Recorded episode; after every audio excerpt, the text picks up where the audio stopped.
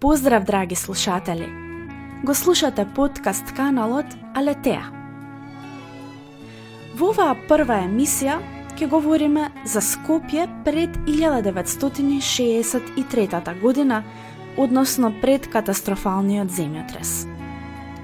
Обично, кога ќе го спомнаме Старо Скопје, односно Скопје пред земјотресот, веднаш се асоцираме на старите архивски фотографии на кои е прикажан плоштадот со добро препознатливиот офицерски дом и стариот театар. Но мене ме интересира каков бил животот позади таа слика. Какви биле скопјани? Како изгледал еден обичан ден на почетокот на 50-тите години на 20 век? Какво било корзото и дали имало културен живот во градот? И сето она што му дава карактеристика на живењето во еден град. А за сето ова најдобро може да не говори некој кој живеел во тоа старо Скопје. За оваа емисија разговарав со господја Емилија Джипунова, прекрасна господја со милозвучен глас – Таа е препознатлив лик на културниот живот во градот. Добар ден. Емилија е доајен на македонскиот балет, балетски педагог и балетски критичар. Таа припаѓа на првата генерација македонски балерини. Започнала да се занимава со балет на возраст од 13 години. Како солистка, за прв пат настапила во 1949 година во првата целовечерна балетска представа Бахчисарајска фонтана. До пензионирањето во 1975 година, таа учествувала во сите балетски представи, именувана како истакнат солист. Настапувала како солистка во над 30 балети, поставени на сцената на Македонскиот народен театар, а незините улоги биле високо вреднувани од критиката. Исто така, таа настапувала и во балетските сегменти од повеќе опери, поставување на сцената на Македонскиот народен театар. По пензионирањето, Джипунова продолжила да ги следи балетските случувања во Македонија, објавувајќи критики во дневните весници и во повеќе списанија. Таа е наратор на телевизиски серии од областа на балетот, а напишала и над 70 лексикографски одредници за балетската уметност во повеќе енциклопедии. Джипунова исто така автор на две книги, Македонската балетска сцена и Балетот како врвна естетика на играта. Таа е добитник на повеќе награди и признанија од институциите во кои работела, а носител е и на орден на трудот со златен венец доделен од страна на председателот на СФРЈ. Во 2015 година, за својот придонес во развојот на македонскиот балет, Джипунова ја добила наградата Менада, а во 2018 ја доби наградата Свети Климент Охридски за долгогодишен придонес во културата и уметноста. Со еден збор, редка личност и на вистина ја имам привилегијата да зборувам со неа за Старо Скопје. Драго ми е со задоволство. Ево, ја прихвати твојата покана и со задоволство ќе зборувам токму за градот за кој ти велиш дека е град на минатото, но и град кој мислам со својата физиономија и со своите символи ќе остане вечно во сеќавањата на сите нас кои сме го живееле тој град и во тоа време. Град кој пулсираше со една урбана атмосфера, град со препознатливи знаци, кои се дека во светот, кога ќе се појавева на фотографија или било на кој друг начин, сите ќе го препознаева тој град. Пред се, ево, да ги спомнам повеќете символи од, од она време, за кои ние се уште изборуваме и се уште ги носиме длабоко во себе. Дали ова е носталгија за старо Скопје? Не е затоа што секако дека тоа бил период обележан со карактеристиките на времето. Туку сакаме да ги запознаеме корените на нашиот град. Имено, познавајќи ги нашите корени, ние можеме да ја развиваме нашата иднина. Генерациите што доаѓаат, треба да знаат што се случувало пред тие да дојдат на сцената.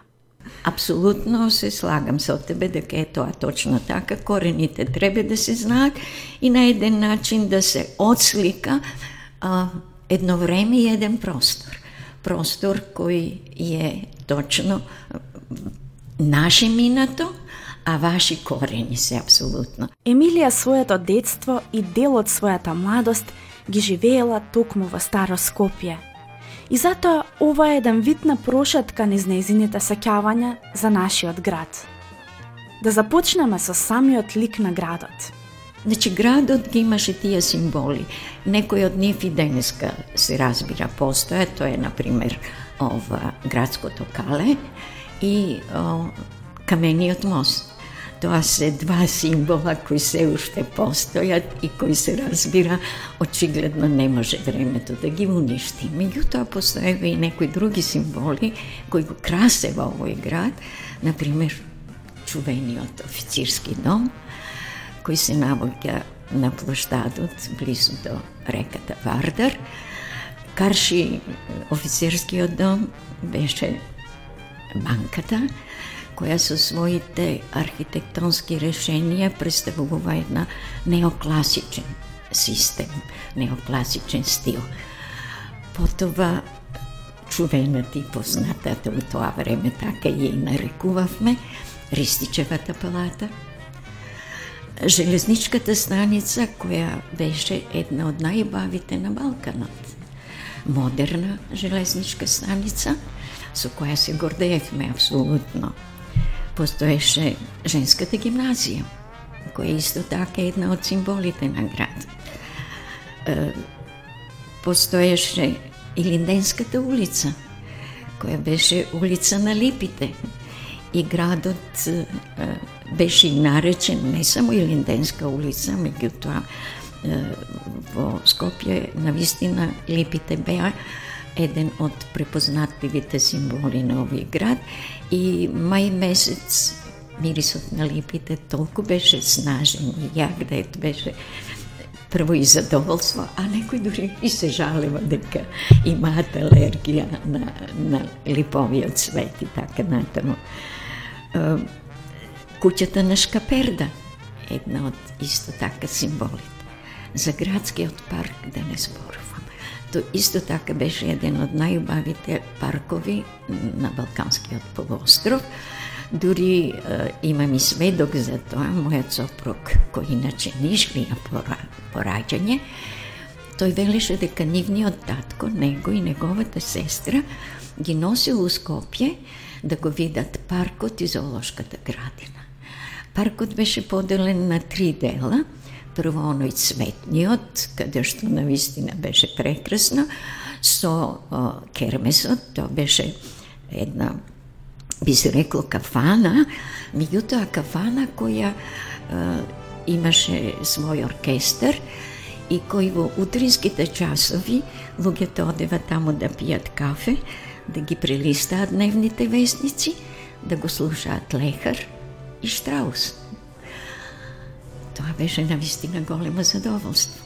Постоеше вториот дел на паркот, каде што беше натурален, но култивиран, со клупи, со така стази, каде што протекувава бистри поточиња. И тука во главно во јунски, во јуни месец, кога е и јунската сесија, вриеше од студенти, кој седева покрај тие поточиња, ги ладева нозите и ги спремава избитите. И постоеше и третиот дел на паркот, кој беше воглавном од она жбунесто нискодрвно ова, вегет, нискодрвна вегетација, каде што пак беше и градската плажа и во тие топли, долги лета, скопски топли лета, луѓето навогева прибежиште и се ладева во чистите води на Вардар.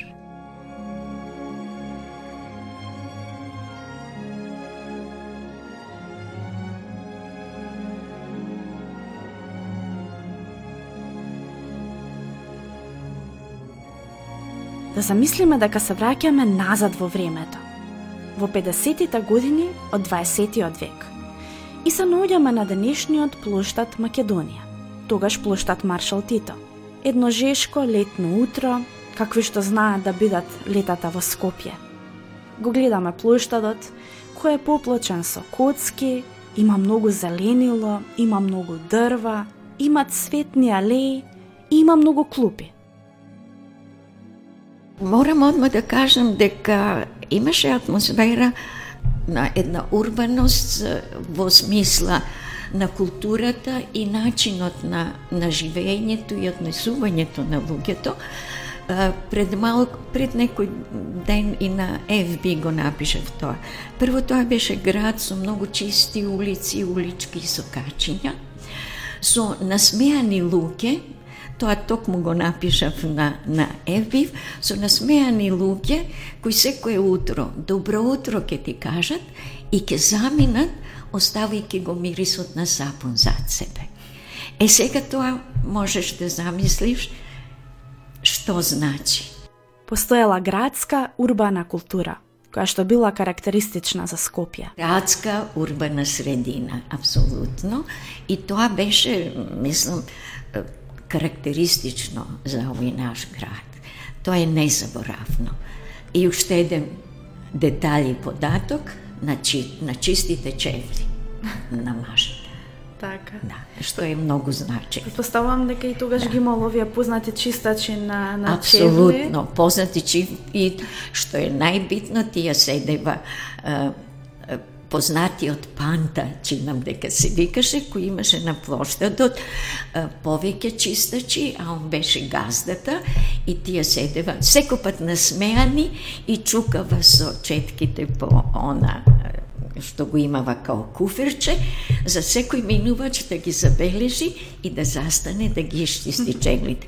И машкиот дел од граѓаните на Скопје обавезно секој се бајле ќе застанева ке чистачот за да му ги изчистат чевлите.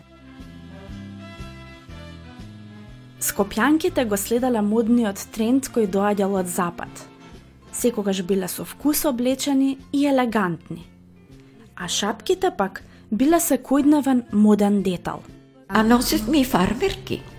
И то, да, фармерки... Да, од кога почна да се носат да, фармерки? Ево, фармерките беа, одевме во Италија, во Трз да ги купуваме, одевме во Солун да ги купуваме. Кај нас се уште ги немаше, меѓутоа ја имавме таа можност. Значи имаш Го отвореност кон Абсолют, тоа западно отво... влијание, и отвореност, апсолутно. Можевме да патуваме слободно и да се снабдуваме со, ево, Убави парчења на облека. Да.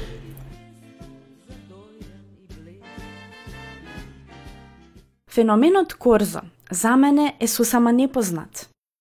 Ена, и покри тоа што ја не бев една од тие, не само ја, него о, сите мои, мојата генерација, кои ние, ја од 12 години сум на балетска сцена. Так.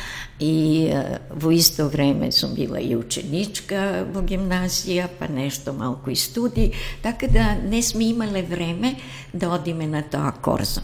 Меѓутоа, мојот пат, со оглед на тоа дека тука во Ново Мало живеев ки Црвен крс, и мојот пат беше да ја морав да поминам преку площадот, и од тука ке старата пошта, по дрвеното мошче и да одам нели тамо каде што е, работев и се разбира бев и ученичка во женска гимназија, значи тоа беше мојата патека стазата каде што и маршрутата одев. Меѓутоа, знам за корзото, го доживував на еден оваков поинаков начин, каде што луѓето во предвечерието, во предвечерието, а, после завршените сите нели активности, службени, домашни и така натаму, пак ке речам со мирисот на сапун, измиени и стуширани, ке се облечева и на корзо, каде што тука се случувава средби, познанства и влюбувања И тоа курсото траеше, почнуваше негде после 7 часот до 10 часот. После 10 часот сите се прибирава дома. Игранките или така наречените средби на млади биле одржувани на техничкиот факултет, во Соколана, во Македонското радио. И тоа во саботните и во неделните вечери. Се одржувале надпреварувања каде се бирале најдобрите парови кои што добивале за награда една убава голема торта. Меѓутоа, сето тоа се случуваше до 10, најдоцна 11 часот, потоа градот замираше и спиеше во длабок сон.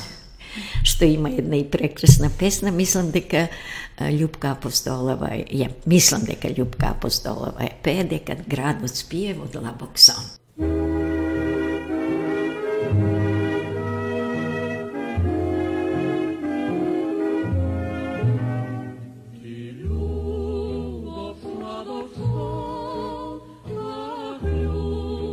Од секогаш ме интересирало како изгледал офицерскиот дом од внатре.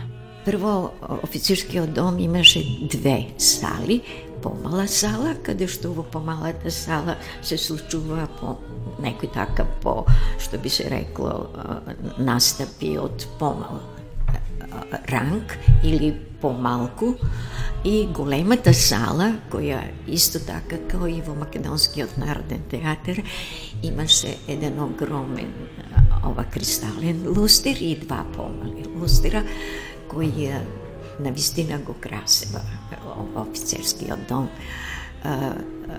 Архитектур, интериерот беше во класичен стил и бел во бела боја, која му даваше така една посебна величественост. Во долните простори имаше кафана и бифе, каде што луѓето после завршувањето на некој од тие уметнички настани знаева да слегнат доле на чаша добро вино, на еден убав муабет. Тога имаше обичај, после секој уметнички настан, луѓето седнувава негде и своите доживувања на еден начин, еве вака вулгарно да речам, ги претресувава. Заправо, секој ги кажуваше од свој аспект и од своја гледна точка колку, како и што му се допаднало во текот на изведбата на настанот.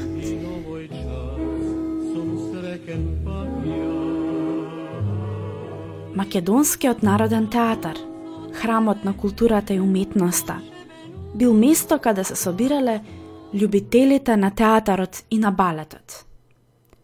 Кај Скопје ни постоела култура на посетување на театарски и балетски представи.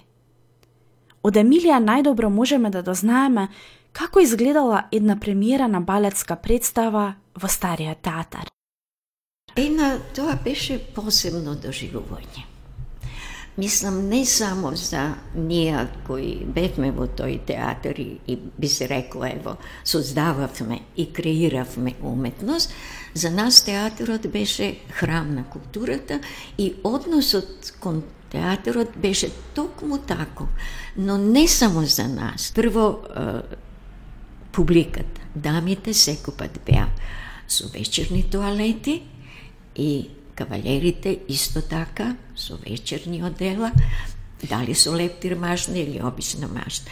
И некако интересно доваѓава се во парови. Под рака дамата го води кавалер, заправо кавалерот ја води дамата под рака, уште провај, доваѓајќи на дрвеното мошче.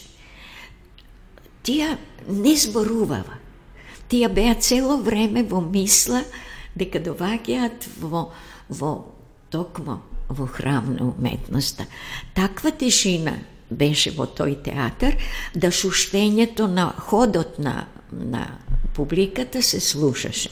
А да не зборам, ја повеќе пати тоа го повторува, дека во тој театар, нели прво на сцената имаше една железна завеса, И прво таа се дигаше, па потоа идеше таа тешката плишана завика. Кога железната завеса се дигаше, се слушаше она како иде нагоре. Значи, тоа беше неописиво. Ја денеска верувам дека луѓето не поготово вие младите, не ке можете тоа да го сватите, оти него имате доживеано. Не сме научени на тишина не сте научени на тишина. Па добро, денеска и животот е таков. Вие, например, ова, ние кога одевме на игранки, слушавме забавна музика, слушавме, го слушавме Штраус, Лехар и така нато. Вие денес одите во дискотеки, каде што се вришти, каде што, мислам, дицибели, дицибелите се на некој, не знам кој, ова висина и од тая причина и гласно зборувате и во театар, да не зборам, мислам сите ги имате вашите мобилните мобилни телефони, телефони, да. постојано сте со нив, во нив и така. А, навистина како луѓето да биле поблиску до себе си во тој период, како да биле посвесни всушност за тоа што го прават, нели? Оделе на представа, о- оделе се подготвувале Апсолутно. свесно за самата представа. Точно. А, Една, знаеле луѓето понедела дена да се ова спрема за да дојдат на представа. Ево само еден детал ќе ти кажам. Со оглед на тоа дека ја многу рано, нели, почнав да бидам професионална балерина, такви беа условите се разбира. Меѓутоа пред да да станам балерина, одма крши театарот, живееше мојот дедо Димче Зографски, го знаат, мислам, позната личност е, ама точно одма и влезот на театарот. И често пати, одејќи на гости кај него, беше на првиот спрат балконот и додека моите седеве унатре, правева муабет, ја као дете, седев на балконот со подпрана брадата на гелендерот и гледав во театарот. За мене тоа беше нешто волшебно, нешто чудесно. И она што најповеќе ми остана тоа осеќавање, таа таинственост, а, кога се даваше знак за почеток на представата, светлата три пати се гасева и се палева. И јас сега си замислувам, што ли се случува таму? Што ли се случува? Меѓутоа, ова, недолго потоа, ево, моите родители ме однесува во театар, тоги се уште немаше опера и балет, имаше само драма. Ах, ево и денеска кога ќе се сетам на тоа, тоа беше на вистина доживување, во таа тишина, во тоа исчекување. Отеднаш, нели се дигна прво таа железна завеса, па се отвори плешаната завеса и отеднаш ме блесна едно јако светло и од едното ќоше, од ова десното ќоше, истрча ова глумица една до левото ќоше напред, а по неа довеќе еден глумец облечен во оние руски војнички ова, униформи со војничка капа и се разбира почна действието, за да покасно разбирав дека тоа беше Тодорка Кондова и Илија Џувалековски. Џува- Значи, и тоа беше некоја драма, негдека во Москва се викаше. Да. И тоа не можам да го заборавам, кое ми е ево остарев и го носам се уште во моето сеќавање.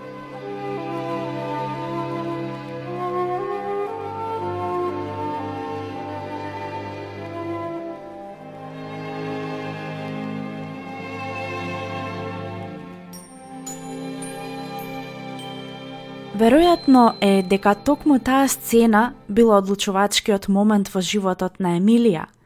Како што и самата вели, не ни замислувала дека таа ќе биде една од оние кои го основале македонскиот балет. Македонската опера и балет биле формирани во 1947 година, а во целиот тој процес биле вклучени врвни интелектуалци и познавачи на културата и уметноста. Апсолутно е на, дека тоа го интересираше мојот пат, заради тоа што сето тоа така дојде ненадејно.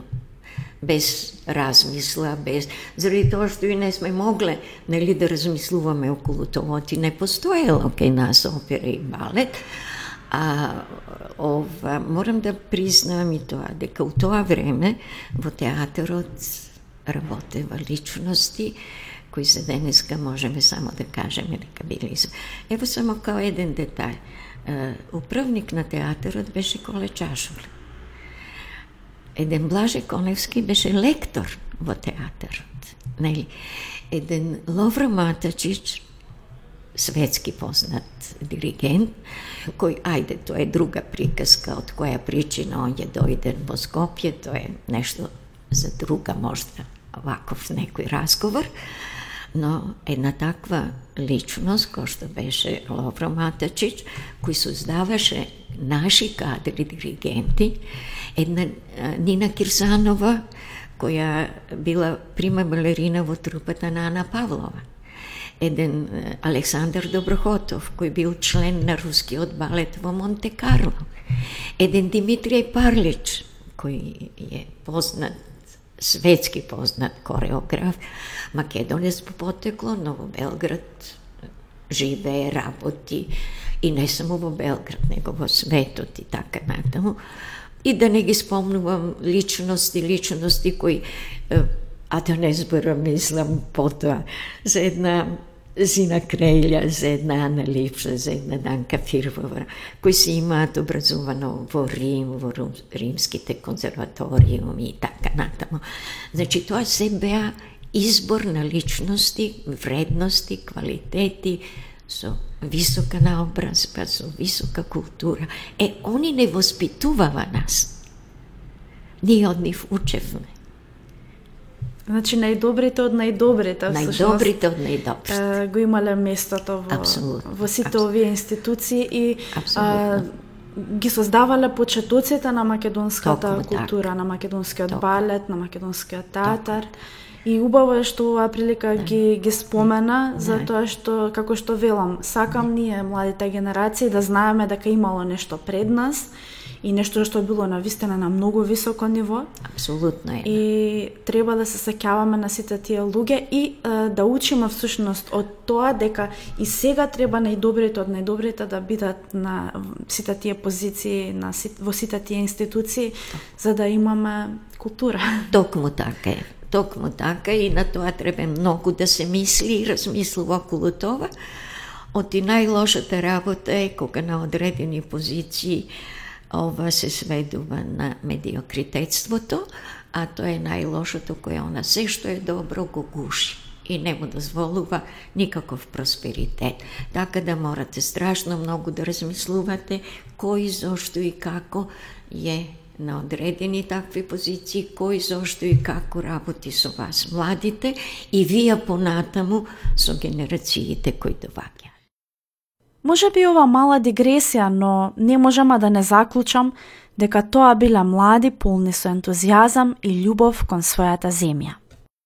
Ние сакавме да патуваме, но и сакавме да си се вратиме назад. Ево пак э, ја ќе појдам од себе. Э, со оглед на тоа дека ние тогаш э, не само низ цела Југославија, нели сме патувале ова гостувања, представи и така натаму, например, секоја есен во некоја од републиките сме оделе со своите представи, доваѓале они ки нас, имала извонредна размена на и размислувања, и впечатоци, и соработки и така натаму. Например, ево, ја на тие едне од таквите наши патувања добив прво една понуда во Сараево, каде што ми ги нудева сите uslovi za kao prva balerina, su najvisoka plata, su stan, su svi te možni raboti. Ja nego prihvativ, ja se vrativ. Ja dobiv ponuda i u Belgrad. Jedna moja koleška zajedno sa svoja coprug zaminava za Belgrad i rekova, ajde Emi, dojdi i ti so nas. Ja dobiv ponuda od zgora, mi to nego prihvatih. Ја останав тука. Така да не само ја, ја го кажувам ова како мој личен пример, меѓутоа многумина од нашите, а не само во театарот и во, него воопшто младината, остануваше тука и ние на вистина имавме, можем да кажем, во секоја смисла, ова квалитетни, професионални кадри. А скопјани биле горди на маалата во кој живееле.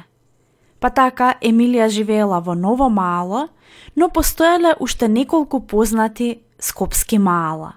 Знаеш, секој мало си носеше во себе посебна карактеристика. Ево тоа ново мало, тоа е тука негде пределов од сега кај што е Веро, тој дел до овдека негде до Црвен крст. И тој простор тука тоа беше ново мало, кое било вероvatно подоцна изградено од она што покривардари, например, Маджар мало, потоа се создаде, почна нели новите градви Пролет, малото пролет, а најпознати, најчувени мала у тоа време биле Дебар Мало. А зошто Дебар Мало? Заради тоа што многу дебрчани се дојдени во Скопје као трговци, као веројатно за, со работа ангажирани во Скопје, Дебар Мало, а тоа е тука негдека кај што е универзалната сала, пред универзалната сала. Од Скопје беше тука до универзална сала, заправо да, до пред универзална сала беше Скопје, потоа тука почнувава Бавчите так. и од Бавчите после се одеше кон Вардар и така натамо. Така да тоа беше граничниот дел на ова Дебрамало и Водњанци, Водњанско мало. Чаир, нели, кој е сега овамо преку од левата стана, старата чаршија, секој беше горд на своето мало. И се постоеше некаков надпревар помеѓу младите луѓе.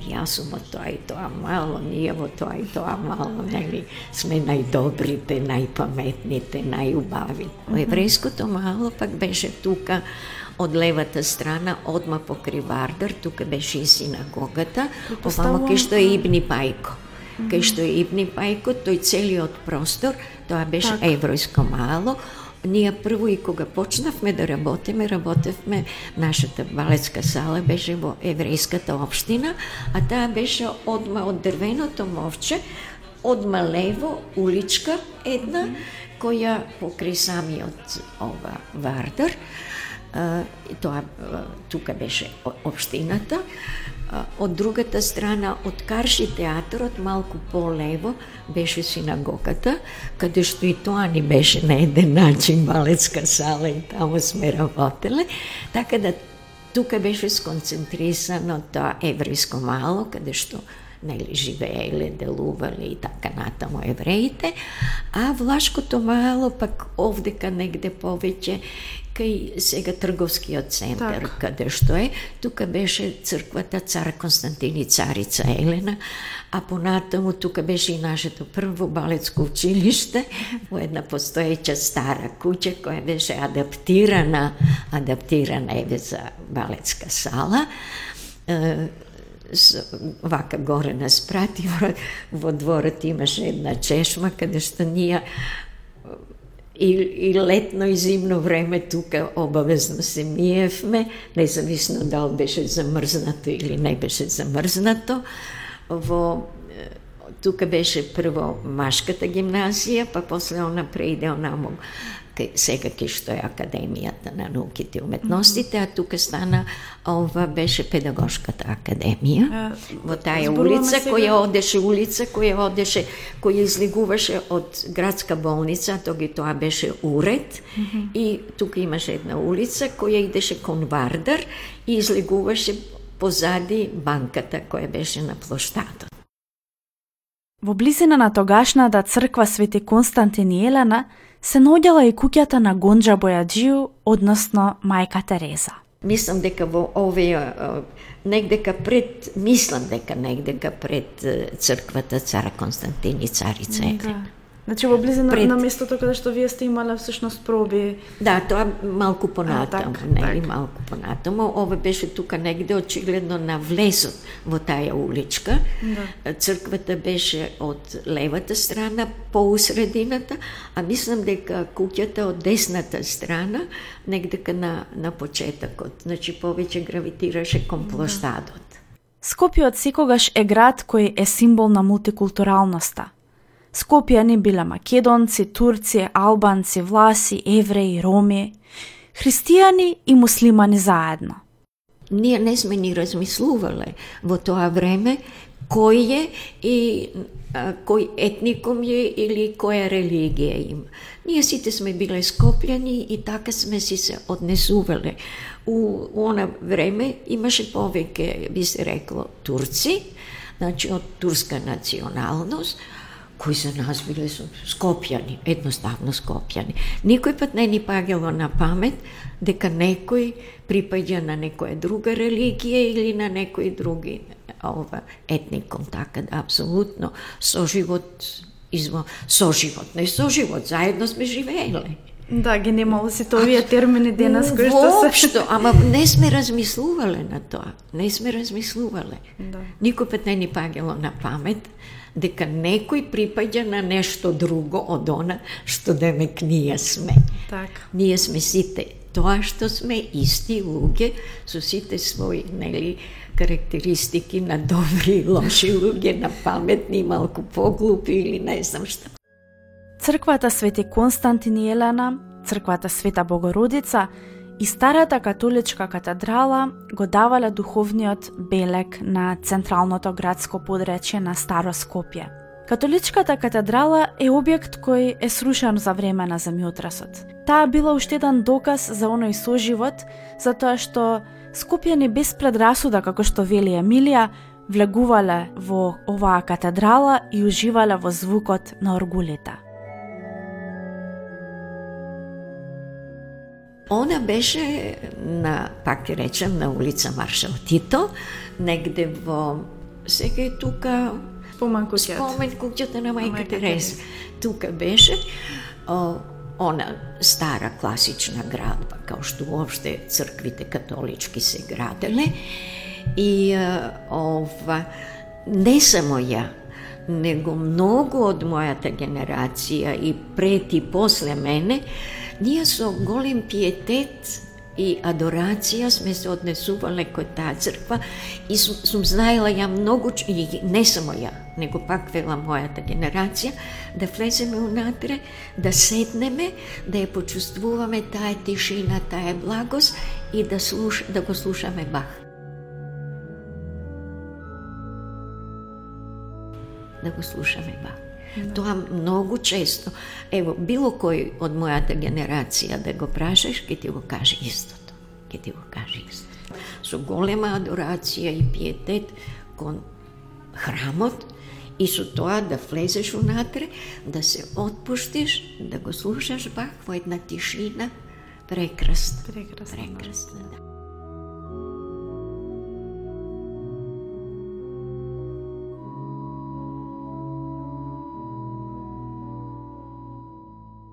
А црквата Свети Константин и Елена, како изгледаше, се сеќа, се сеќаваш на неа? Па, е, знаеш, тоа беше во она време релативно голема црква. Предпоставувам да... најголема била од православните па, црква. Па, Света Богородица беше а, најголема, так, так. а оваја нешто малку помала, па нешто од прилика као Свети Димитрија, може би за нијанса нешто као поголема, тој тип фактички mm -hmm. Кој исто така, нели, оградено, они секој пат беа оградени со тие железни огради, ова, и така, така да, а таа па посебно ми беше драга, оти мајка ми е Костадинка, па некако секој пат тоа цар Константин и царица Елена ми значеше так. нешто, да, да. Црквата Света Богородица била неголемата црква во градот – а Света Богородица се сметала за заштитничка на Скопје. Дали е случајно или не, мене ми е интересна легендата која Емилија ми ја раскажа, а се однесува на апарациите на Богородица во почетоците на 50-тите години. Тие легенди и верувања сметам дека даваат сведоштво за религиозноста на луѓето во тоа време. Да, имаше на еден период не знам што беше тоа, меѓутоа тоа беше тамо негде, што знам, пак тука негде, 50-тите години, 53-та, четврта, од прилика тој период, со оглед на тоа дека знам јас се уште бев ученичка и дека наводно Богородица се појавувала негдека на некој од зградите, на некој од прозорите. Mm -hmm. И ова луѓето љубопитни луѓе секој пат ке застанувава и чекава да ја видат Богородица. Многумина од нив велева дека не виделе ништо, а некои од нив тврдат дека Богородица се појавувала. Така да мене ми се случи еднаш ова одејќи во школа, гимназија, поминував тука на площадот да и видов собрани луѓе и гледаат нешто нагоре и помислив си, викам, добро сега да не зборам заради што беа тие луѓе собрани, за, после разбрав, нели, за случката, меѓутоа првата помисла ми беше, си викам, сигурно луѓево поново некој рекол дека се појавила Богородица и они гледаат горе да ја видат Богородица. Ена не можам да кажам а, сега ништо околу тоа, да тврдам дали е вистина Нормално, или да. не е вистина. Верувам дека постојат уште многу детали од животот на Скопјани кои што не успеавме да ги клучиме во оваа емисија, но верувам и се надавам дека уживавте во оваа прошетка низ сеќавањата на господја Емилија Джипунова, зашто мене ми беше огромна чест и задоволство што разговарав со неа и што таа ми ги пренесе незините саќавања, незините емоции и буквално толку впечатливо ми го долови животот на Скопјани, што на вистина имав чувство дека бев дел барем за миг од ова живење во градот. Порака до денешните Скопјани, ево овака као и ти, почесто да разговараат со своите родители, со бабите и дедовците, да а, ова ги осознаат своите корени и малку од малку да почнат да го почитуваат сето тоа и некои работи у смисла на таја градска урбана атмосфера, на, на културата на живењето, да ја прифатат и да ја почнат на тој начин да живеат и да ја пренесуваат до своите идни генерации.